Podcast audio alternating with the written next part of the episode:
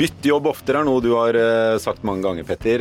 Eh, vi skal snakke om en person som ikke har byttet jobb så ofte, men når han først byttet jobb, så ble det et salig rabalder.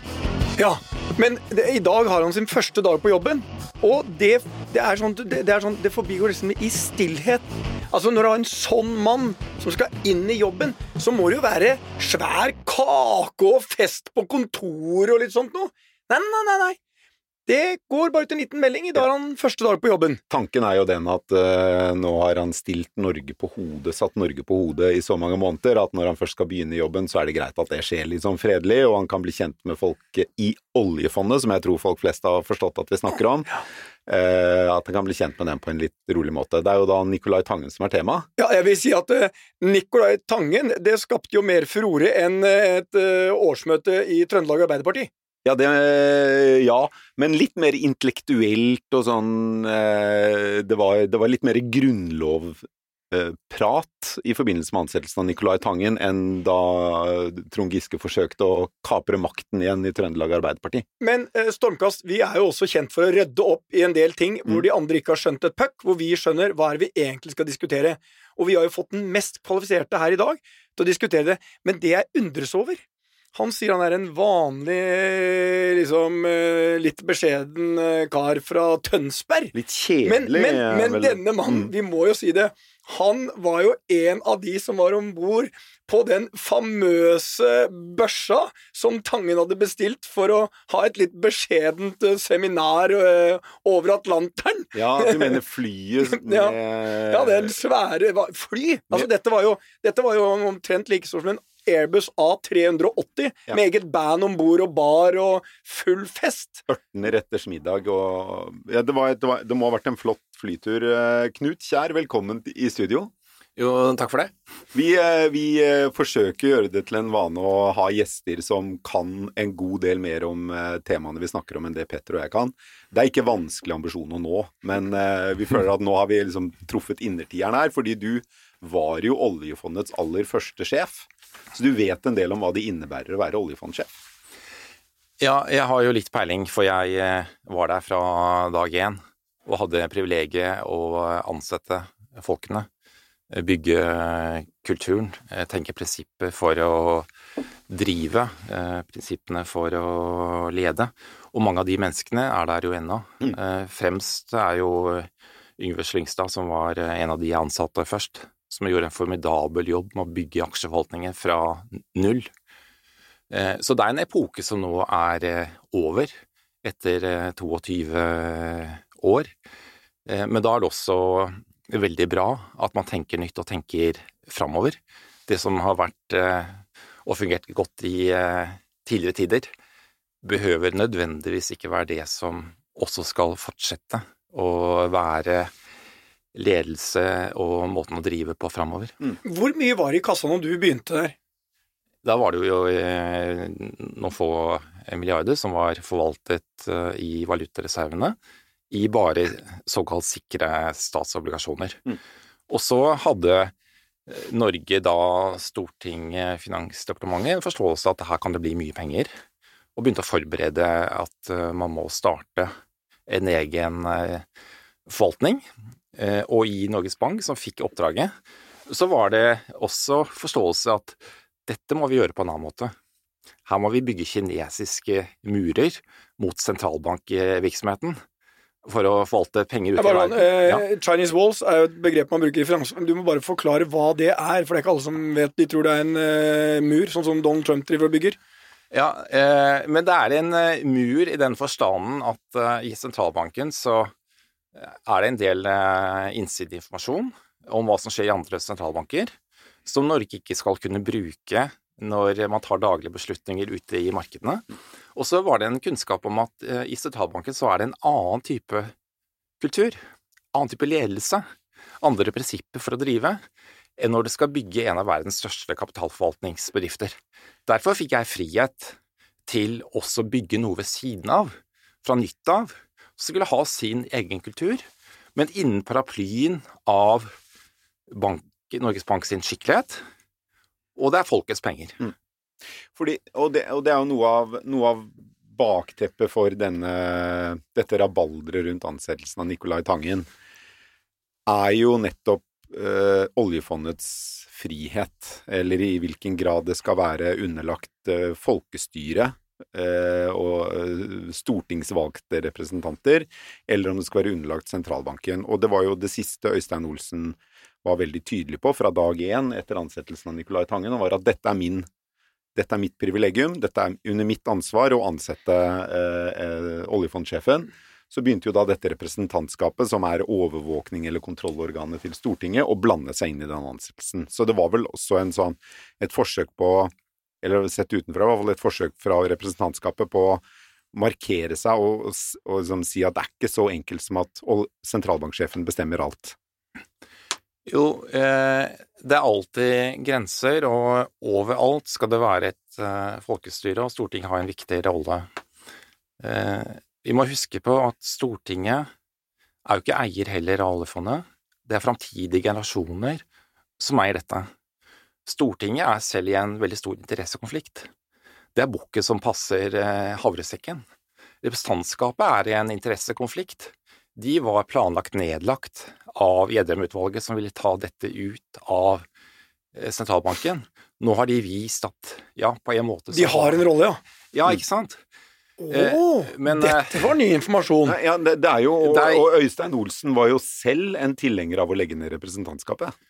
Eh, det tror jeg vel eh, ikke, men når eh, dette sentralbanklovutvalget ledet av Gjedrem, som var sentralbanksjef og finansråd etterpå og før, konkluderte med at dette nå endelig burde ut av banken, så var det ikke behov for noe representantskap. Men det å legge ned en offentlig virksomhet 15 personer oppnevnt av Stortinget. Det er en ganske tung affære, og de kan ha sin misjon. Men når man går inn Du kan si fra Stortinget kan alltid bestemme alt. Men de skal huske på at det er framtidige generasjoner som eier. Det er ikke de som eier. Men de kan ikke, de kan ikke styre alt. Stortinget må oppnevne eh, eller bidra til at det blir oppnevnt eh, personer som får delegert ansvar, sånn at Stortinget over tid kan følge opp og kontrollere. Stortinget kan ikke ta ansvar for enhver forvaltningsbeslutning i oljefondet. De er avhengig av at de er satt bort til veldig kompetente mennesker, og så skal Stortinget følge opp og kontrollere. Hvis Stortinget selv går inn stadig og endrer på beslutninger, så utvisket ansvaret. Og du får ikke folk til å lede dette av det formatet vi trenger. Så hvem gidder å ta en jobb hvor Nei, dette er ikke vi enig i. Eh, du har ikke fått delegert dette likevel.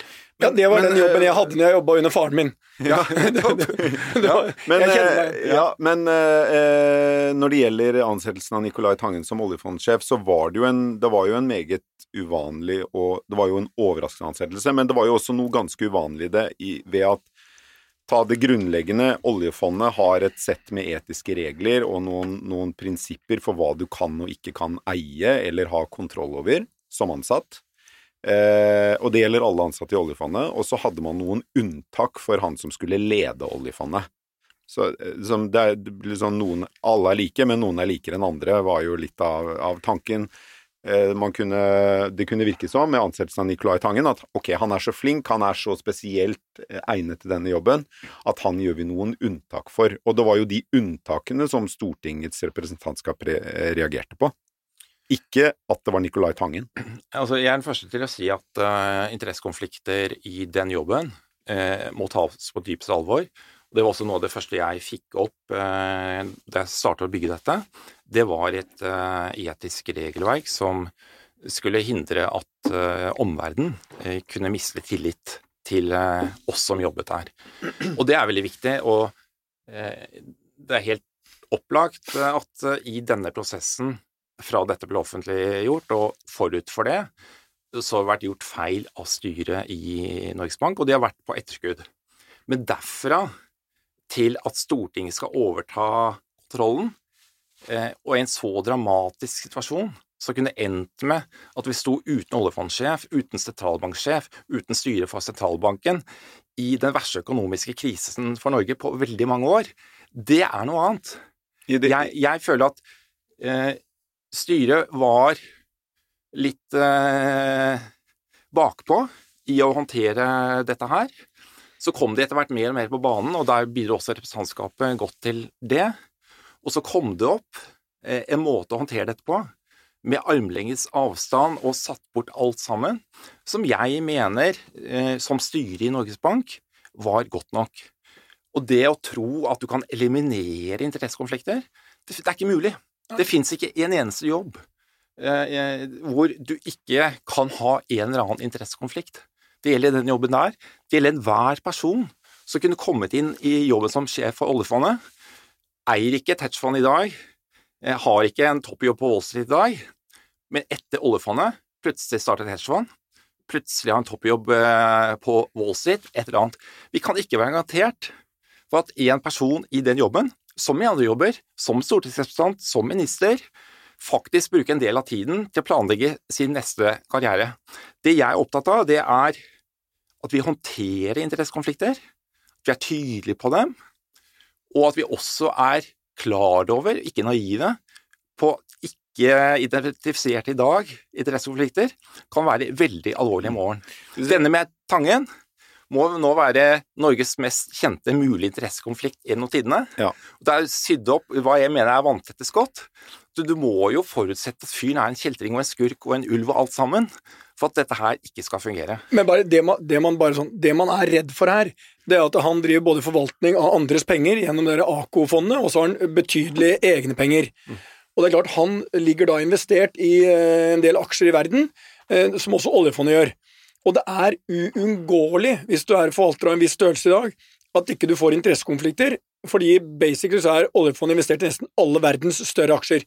De eier halvannen prosent av alle verdens børser, eller hva det er for noe, eller om det er én, eller I don't know. Uh, mye er det. Og det man er, da kommer i konflikt med, det er at la oss si at um, Ako eier i Apple uh, en betydelig post, og så bestemmer oljefondet seg for å selge en del av de aksjene. Så kan han frontrønne det ved å selge aksjene før den aksjen Altså, den Ja. type konflikter. Og jeg tror jo det er, det er jo eh, Og det er, jeg tror det er uunngåelig. Det er uunngåelig, men, Men, det- men her, altså, akkurat den type der er jo alvorlig hvis det skjer.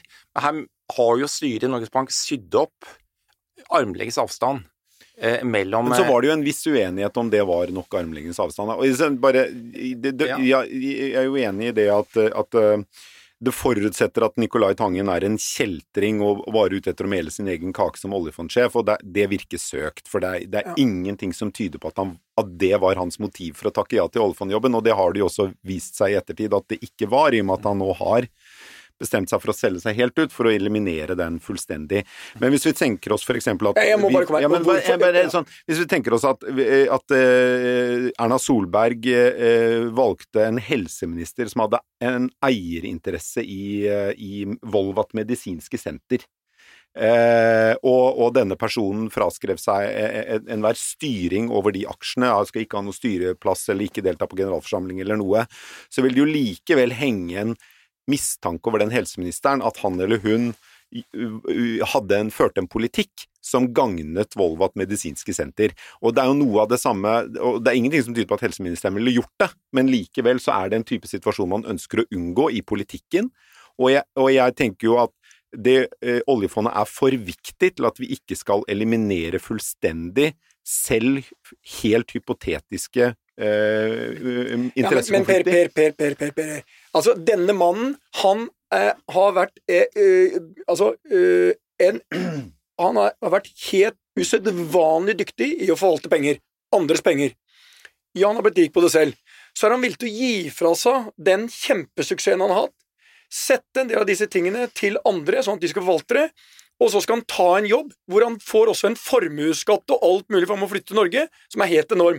Altså, det er ingen logikk for meg at han gjør det for å eh, berike seg selv. Nei. Der, der svikter logikken for meg. Han kunne bare fortsatt med det han eh, gjør, da. Tjene hundrevis av millioner i året. og det er jo ingen som mye tror at dette handlet om? Tangen. 10-15 millioner? Eh, Jeg tror han har skrevet under en kontrakt på seks Ja, Altså, seks millioner i Tangens verden er ikke mye penger. Eh, Det, det, det, det er sånn Han tar ikke jobben for penga. Nei, Nicolai tror- Tangen gjør ikke det. Men dette handlet jo ikke om Nicolai Tangen. Det handlet jo om Øystein Olsen og sentralbankens styre og dets håndtering av ansettelsen. Og det var jo den Ja, og representantskapet den Stortinget de var opptatt av. Men, men å, å tro at han øh, nå med hans siste trekk, liksom, har tatt denne jobben Jeg tror rett og slett Han er, ser dette som en fantastisk utfordring. Han har vært med på alt i finansmarkedet. Nå vil han ta denne jobben. Ja. La, oss ta, la oss hoppe over på det. Ehm, eh, hvorfor tror du Nicolai Tangen vil ha denne jobben? Du, det har ikke jeg lyst til å spekulere på, men jeg kan si litt om hva det Jo, her må vi spekulere litt. Altså, Knut, føl deg helt fri. Det er bare også en 50 000 lyttere som hører på uansett. Ok. Um, nei, også min egen opplevelse etter ti år i den jobben er at uh, det er usedvanlig meningsfullt. Uh, du jobber for ikke bare de fem millioner nordmenn uh, nå, du jobber for etterkommerne også, altså generasjonene framover. Du er med på å trygge noe som er av utrolig stor verdi for landet. Og du jobber med noen av verdens flinkeste mennesker, mer enn 500 personer fra 30 land rundt, fordelt rundt om i verden. Det er veldig veldig motiverende å jobbe med det, og du har faglige utfordringer som holder hele tiden. Uh, er... du, sitter med, uh, du sitter altså med 10 000 milliarder verden, kanskje et av verdens største fond, og du, du, er jo en som virkelig betyr noe i verden når du er sjef for oljefondet. Eh, ja, altså Dette er både òg, og jeg føler at eh, både hva, debatten hva, hva, det, de driver her, og den som mediene har holdt på med, har jo tatt og løftet den jobben til noe annet enn den egentlig er. Mm. Eh, min egen opplevelse av den jobben er at jeg var maskinsjef. Sjefen for Norges Bank Investment Management, NBIM, skal sørge for at de mer enn 500 mennesker kommer på jobb hver dag og er av de beste i verden til å gjøre spesialistoppgaven og drive et av verdens største fond. Det er jobben. Politikken rundt det Altså, jeg møtte nesten aldri Stortinget. Jeg var i Finansdepartementet en gang i kvartalet. Min jobb var å være maskinsjef for den maskinen. Ekstremt spesialistorientert. Eh, sjefen for oljefondet er finansministeren. Styret for oljefondet er Stortinget, og eier av oljefondet er framtidige generasjoner.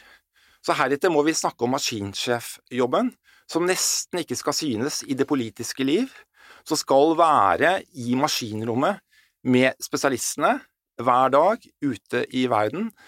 Og så er det de politiske organene, Stortinget, som legger rammene, også for hvor mye risiko. Så vi overdriver. Så maskinsjefen er egentlig en indeksforvalter i aksjemarkedet? Nei. Han eh, kan, være, kan, han drive med aktiv forvaltning? Eh, altså, hva er aktiv forvaltning når du har 10 000 milliarder?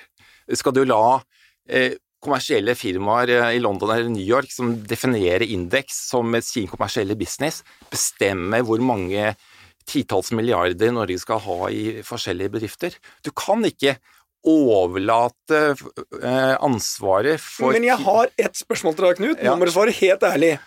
Maskinsjef Tangen han sitter på kontoret sitt han ser at nå går Alphabet, eller en av de store aksjene, litt sånn som han uh, Halvorsen i Tiger, eller Vikingfond, eller hva det heter for noe.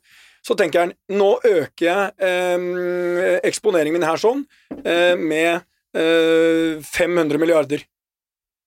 Kan han gjøre det? Eh, neppe med 500 Nei, men ok, 100 men milliarder, da. Vil Nicolai Tangen være i Er en del av det å være oljefondsjef at nei, nå tror jeg på alfabetaksjen, vi, vi øker eksponeringen? Eh, det er mye Kan maskinsjefen gå opp på brua og snakke med kapteinen? Eh, men det er som regel ikke nødvendig, for noe av det som er veldig bra med oljefondet, er at kursen er satt. Og ikke av maskinsjefen Finansministeren må også til Stortinget, og der er det veldig grundige behandlinger rundt f.eks. hvor mye skal vi ha i aksjer, og hvordan det skal forvaltes rundt om i verden. Det maskinsjefen går på jobb hver dag eh, og sikrer, det er at uh, man har spesialister i deler, alle deler av verden som forstår hvor de pengene er plassert, som også håndterer uh, risikoen i dette, at man er innenfor mandatet, som rapporterer, som driver utøvelse av eierskap, er en krevende eier, som også Stortinget i Norge forventer at man eh, er. Og tenker eh, også klimarisiko på, på lang sikt. Ja, men, men hør nå, kan maskinsjefen bestemme at eh, de kan gå short aksjer? Ikke i den forstand som du gjør i et hedgefond, men du går jo Når du går under det som er markedsgjennomsnittet, ja eh, altså da går du på en måte short. Mm. Ja. Og det jeg forventer at personer som Tangen og hans folk gjør, det er ikke nødvendigvis et gudbenådet øyeblikk finne ut at vi skal doble bettet i eh, en eller annen aksje. Men det er i hvert eneste selskap hvor Norge har mer enn 5 milliarder kroner, f.eks., har eh, en dyp forståelse av er management rene? Eh, er det sammenheng mellom cashflow, cashflow statement og regnskap? Er dette et selskap som er i ferd med også som Enron, som var der i, mitt, ja, i min tid? Eh, fullstendig eh, luftslått. Wirecard nå. Eh, det jeg Jeg kjenner jo ikke Nicolai Tange fra før. Men jeg har vært og holdt foredrag på noen seminarer sammen med han, og da har jeg lært litt om hvordan han tenker. Og det er veldig mye på å styre risiko. Eh, han har ansatt etterforskere. Eh, han har ansatt eh, folk fra det firmaet jeg var sjef for i New York, eh, som driver forensic accounting eh, som del av riskanalyser som er verdens beste i å nettopp sjekke konsistensen i regnskapsdata, så stadig avslørte feil før de kom. Eh, Tangen har ansatt folk derfra, for når han har styrt sitt fond, ha veldig god oversikt over nedsiderisiko. Det han har egen sånn spetsnatsgruppe som uh, går rundt i bedriften og driver litt etterforskning. Nettopp. Ut, som ikke bare er økonomer. Men jeg, kan, jeg, kan, jeg krever kan, at det, ja. Kan han uh, vekte ned hvis han ser Nå tror jeg hele markedet skal ned. Vi står overfor liksom, Han ser 2008 komme. Ja. Han ser at nå skal aksjemarkedet ned. Brutalt. Mm. Kan han da uh, ta en beslutning uten å gå til sentralbanksjefen og si nå vekter vi ned 3000 milliarder i aksjemarkedet? Eh, ikke 3000 milliarder, for det er utenfor er mandatet. nei, men, jo, men eh, nei, vi må prøve å være litt eh, riktige her. Altså, det er jo rammer også for dette, heldigvis. Så den enkeltpersonen som her blir maskinsjef, har ikke all verdens innflytelse på sånne ting. Vi ønsker ikke det. Vi ønsker en supertanke som går ganske støtt gjennom disse brottsjøene. Men, så kommer en Helge Ingstad fra sida som ikke du ser. Ja, jo, men Okay. Det så vi under finanskrisen. Nå må du la Knut svare eh, spørsmålene dine, Petter. ja. ja, vi så under finanskrisen. Eh, da hadde jeg eh, gått i forkant. Det var Slyngstad som var maskinsjef, det var Gjedrem som var sentralbanksjef. Og de gjorde noen fantastiske transaksjoner. Det var Yngve, da Lehman Brothers var i ferd med å gå konkurs, på å sikre landets verdier i de døgnene. Så vi står i historiebøkene som eh, heltmodig og viktig innsats. Og Slyngstad og Gjedrem holdt hodet kaldt under finanskrisen, hvor andre sa nå må vi selge oss ut av aksjer. Vi kan jo nå henge opp eh, kjente næringslivsfolk i Norge som var i avisen og sa nå må vi ut av aksjer, nå er det veldig farlig. Det har vært fullstendig vanvittig å gjøre det. Det er sikringsmekanismer her som man ikke gjør dumme ting, men så betyr kvaliteten av menneskene at du beholder roen når krisen kommer, betyr mye. Betyr kunne maskinsjef Kjær gjort comeback og tatt jobben til Tangen i nei, dag? Nei, altså dette er mye vanskeligere nå. Jeg hadde en lett jobb, for det var ingenting da jeg begynte. Men uh, betyr det da at 999 av 1000 dager så er det ikke så farlig hvem som er oljefondsjef, men det er den tusende dagen når du virkelig trenger eh, et erfarent og godt hode, da, når du trenger det beste hodet på, i maskinrommet, da, at det virkelig betyr noe hvem som er oljefondsjef? Eh, det betyr noe hver dag, for at du skal bruke hver dag på å forberede deg. På den ene ene dagen. Og, og, og, ikke sant? Eh, en maskinsjef har utrolig mye å si for kvaliteten av de menneskene du har, og for den kulturen du har. Hvis du hadde tatt inn en byråkrat i den jobben, som ikke kunne faget, som ikke hadde vært en del av internasjonalt næringsliv eller finans, hva skulle folkene se opp til? Og når krisen kommer, hvilken erfaring har vedkommende? Du sitter med et stort ansvar, blir målt på det i dag også faktisk eh, holde hodet kaldt og eh, For det å være I og med at du, du, har eh, et oljefond som eh, Det er langt fra sånn at eh, alle sitter i, eh, i, Kvadraturen i Oslo og foran PC-ene sine. Dette er jo ansatte som er spredd over store deler av verden. Og de er ofte rekruttert fra finansmarkedet. De har ofte vært forvaltere eller analytikere i, i finansmarkedet selv. Mm. du mener det er viktig for dem at han eller hun som er øverste sjef for oljefondet, er en de selv har faglig respekt for og kan se opp til? Jeg mener det er helt avgjørende. Eh, og, og, det er en sånn debatt om ledelse generelt. Eh, det har vært filosofier eh, før at eh, du kan lede hva som helst. Det tror jeg ikke på. Eh, nei, altså det fins ikke noe makent i Norge. Eh, og Norge er et fryktelig lite land. oljefondet er megastort i global eh, sammenheng. Det er veldig spesialisert, og du har global kompetanse der. Hvis du da hadde tatt inn en person som ikke kan det faget, til å lede dem, så tror jeg du hadde forvitret den kompetansen som eh, er der. Mm. Og det og jeg mener tror du er styret i Norges Bank De har fått inn da søkere, de har fått hjelp av Headhunter. Jeg vet ikke hva alternativene er, har vært reelt sett til eh, Tangen, men de går inn og sånn Jeg, jeg vurderte du, Per, noensinne å se på det? Jeg gjorde ikke det. men Jeg, jeg, Du har jo vært eh, jeg økonomiredaktør. elsker sånn det er alltid en eller annen høyskolelektor på Elverum som søker jobben. Ja. Det, jeg, jeg har så han, lyst er, til å ta han en, gikk, ta en i, kaffe han med, gikk med den eh, rett under bussen her i analysen til Knut. Ja, eh, han hadde neppe blitt sett opp til av hedgefondforvalterne i, i London. Men eh, Men ja, Kan jeg fullføre det? ja, gjør det. Eh, Jeg, jeg tror at styret har skjønt at uh, i det lille landet her, så er det svært få mennesker som både snakker norsk, og som kan gå inn og ha autoritet i denne organisasjonen, bli sett eh, opp til, holde hodet kaldt når neste finanskrise kommer.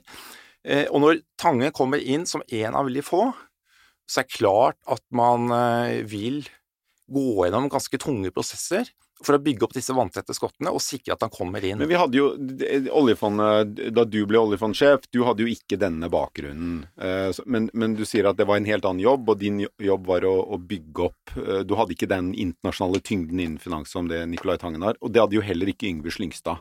Men dere hadde jo begge gode forutsetninger for å bli oljefondsjef, eller har i hvert fall Det viste seg jo at det gikk svært bra under både deg og Slyngstad som oljefondsjefer.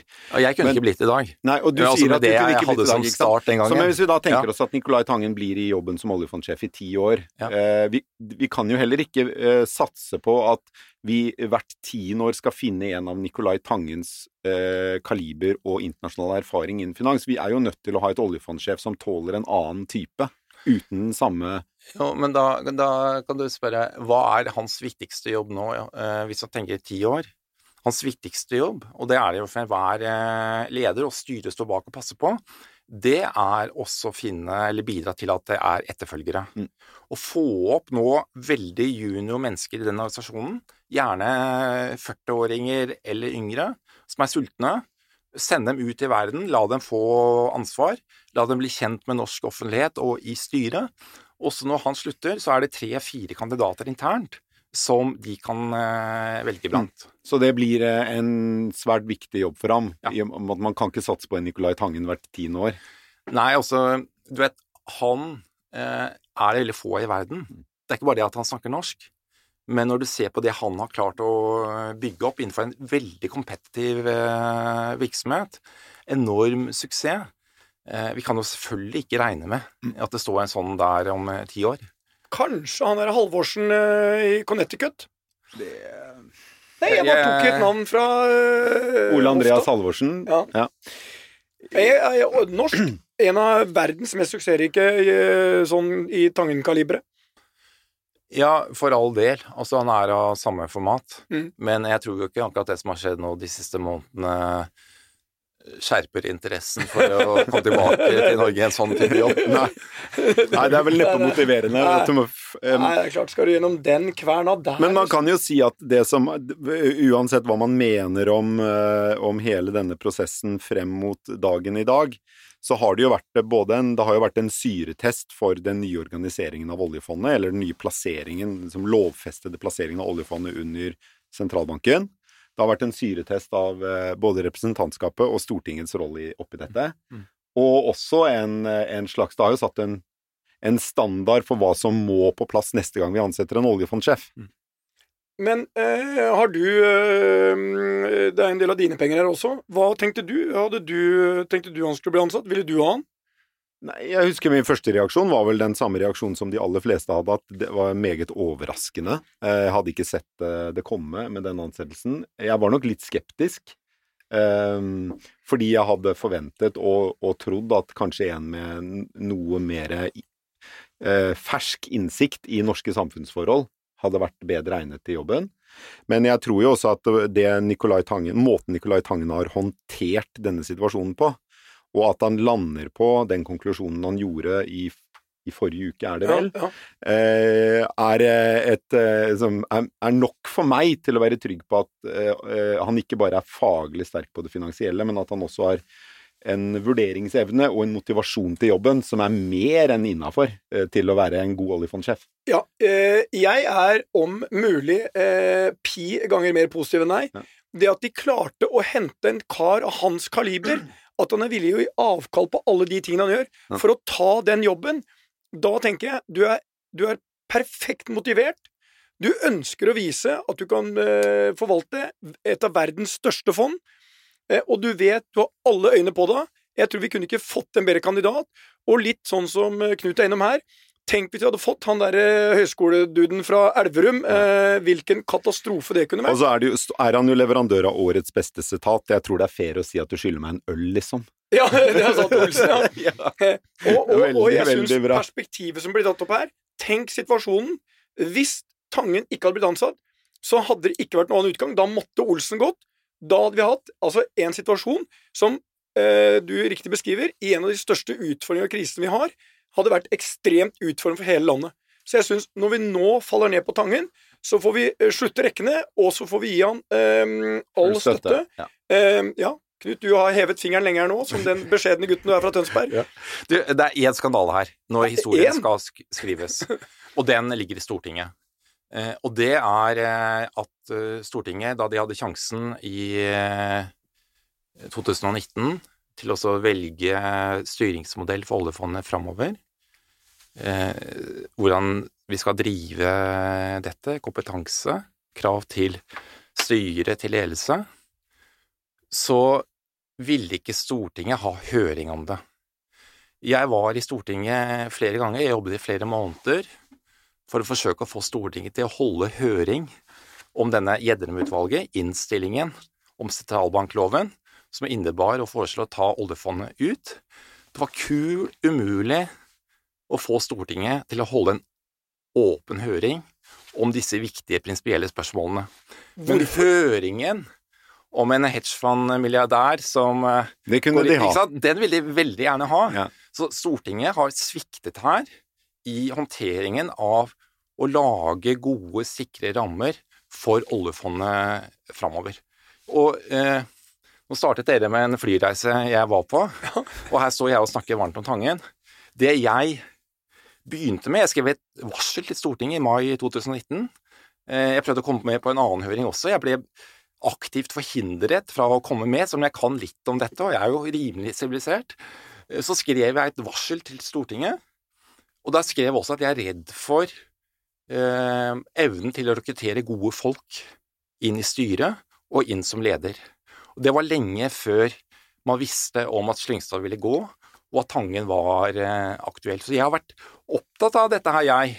Du har en maskin som krever intens god kompetanse, menneskelige kvaliteter. Du må ha et styre rundt som er folk med internasjonalt perspektiv og kunnskap. Eh, hvorfor skal du blande det sammen med sentralbankfunksjon? Det er en stor misforståelse. Men Stortinget sviktet da Stortinget hadde muligheten. Og jeg er opptatt av interessekonflikt, jeg også. Det er når jeg sier at Stortinget er bukken som passer havresekken. Stortinget har vist at det har stor evne til å bruke oljepenger.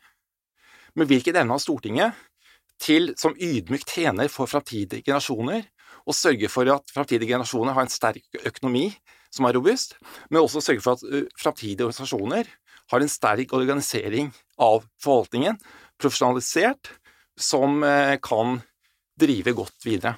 Bra, bra avslutning. Eh, du, eh, helt på tampen, Knut. Du har hytte på Tjøme, har du ikke det? Jo, utenfor Tønsberg. Jeg er Utenfor derfra. Tønsberg, ja. Ja. Du er jo fra Tønsberg. I neste uke så har vi eh, kanskje den mestselgende megleren av eh, hytter på Sørlandet.